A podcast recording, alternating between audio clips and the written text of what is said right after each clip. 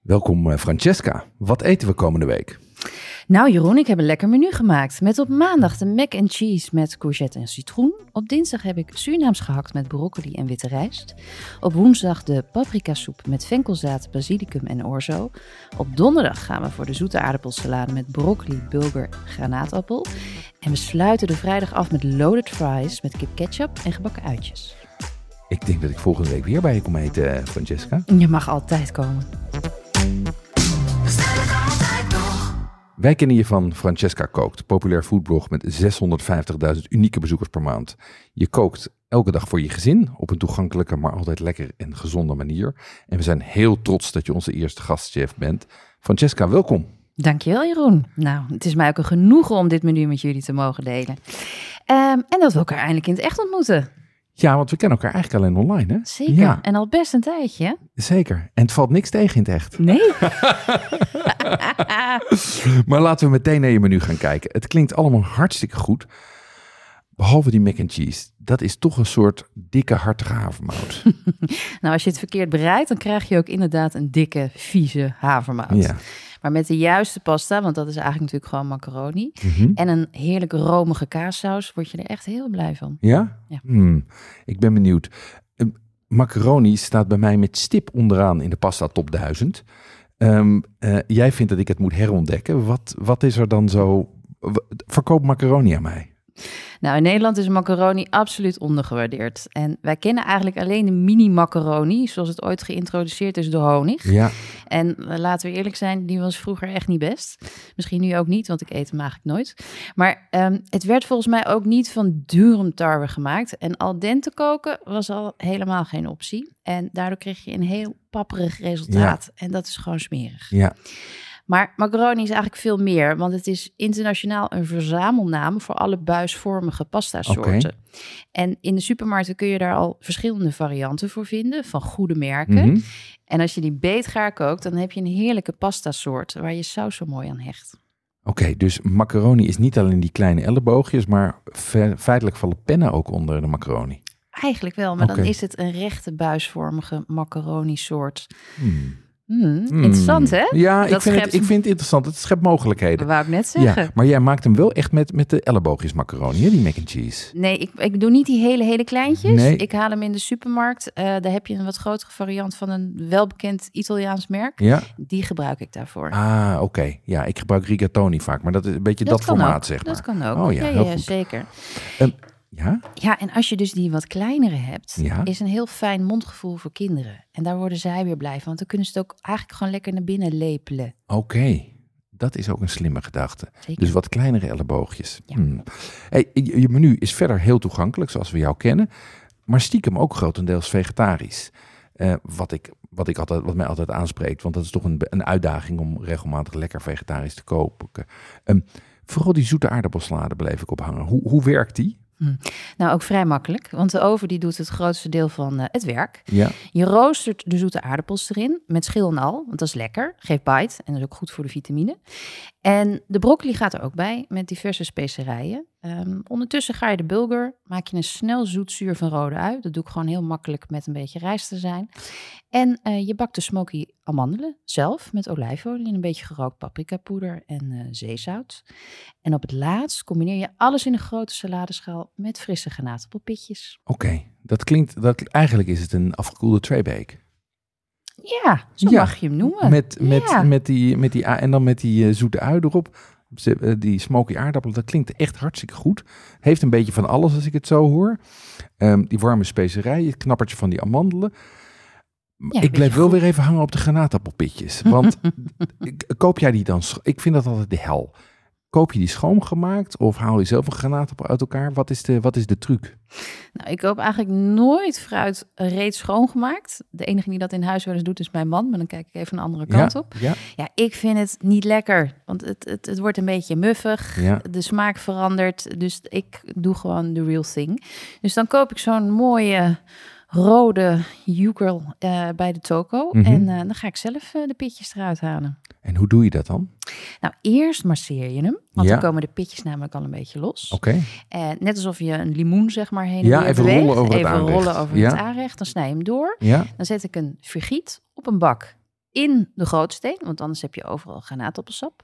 Bak vergiet, ja. Bak vergiet en dan ga ik hem uitknijpen, want dan komt ook al dat sap eruit. Gewoon met je handen zo. Gewoon met je handen, Ja, gewoon lekker ja, ja. knijpen en dan rollen al die pitjes eruit. Ja. Het sap vang je op, want dat kun je namelijk heerlijk drinken. Mijn Klopt. kinderen zijn daar dol op, is ook weer heel gezond. Ja, En ehm, de pitjes die ik nodig heb voor het gerecht, die gebruik ik. En de rest vries ik in, want dat kan namelijk heel goed. die pitjes kan je invriezen. Zeker, ja. Oh, dat is helemaal slim.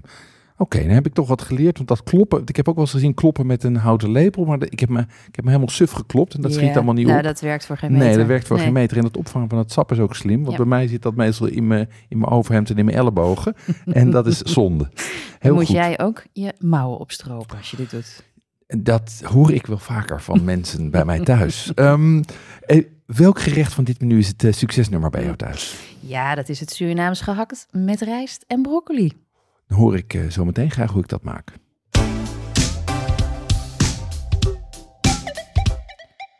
Op onze site hebben we ruim 400 recepten staan, maar voor meer dan 200 ingrediënten moet je toch echt even naar een speciaalzaak gaan of een toko. Ja, en vanaf nu kan je die dingen online vinden bij onze partner pimenton.be. Dat is de webshop voor foodies en hobbycooks. We hebben inmiddels al onze recepten gekoppeld aan een webshop. Bestellen gaat dus heel makkelijk. Het is alleen klikken op een link in de ingrediëntenlijst. Ja, en Pimenton zit in België, maar bezorgt in de hele Benelux voor 3,95. Ga naar pimenton.be om te bestellen. Surinaams gehakt met broccoli en witte rijst. Waarom eh, zou ik dat recept moeten proberen? Omdat het ontzettend makkelijk om te maken is. Mhm. Heel lekker van smaak. En zeker als je kinderen thuis hebt, ze eten het allemaal. Echt waar? Zeker. Ja? Ja, daar steek ik mijn handen voor eh, in eh, het gehakt. Zeg In het... Ja. Heel goed. En, en dan altijd met broccoli? Nee, je kan er heel goed mee variëren. Dus eh, je kunt eh, seizoensgroenten gebruiken als je zin hebt in snijbonen, spinazie, kool. of je gaat echt de Surinaamse toer op en je doet het met kousenband. Of, eh, Zo met- propo als je stoer bent. Ja, Ja. ja, Ja, ja, nou, ja. Eh, dan wordt het helemaal goed. Ja, lekker. lekker. Maar, maar het is erbij, hè? dus wat dat betreft kan je variëren. Zeker. Dat snap Ja, ik. ja. Ehm, wa- wat is er dan Surinaams aan dit gerecht? Nou, het is het recept van mijn Surinaamse schoonmoeder. Dus Dat is heel een- veel meer Surinaams kun je het niet Nee, krijgen. dat is een goede start. En eh, volgens mijn kinderen maakt zij het ook nog steeds beter dan ik. Oké.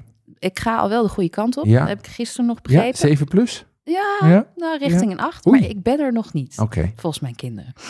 Ehm, en er zitten een paar basisingrediënten in die je eigenlijk bijna altijd gebruikt als je Surinaams kookt. Mhm. Ui en knoflook, eh, blok, eh, pimentpoeder, ketchup, beetje tomaat.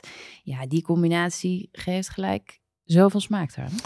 En, en, en neem mij dan even mee in de stappen van die bereiding. Hè? Want je hebt dus die, die, die smaakmakers. Welke, welke, eh, hoe gaan we dan door? Nou, je begint met het fruiten van de ui en knoflook in olie. Daar doe ik een beetje boter bij, want dat geeft heel veel smaak. Eh, ik laat het ook echt een minuut of vijf rustig fruiten. Want dan gaat die smaak veranderen daarvan. Mhm.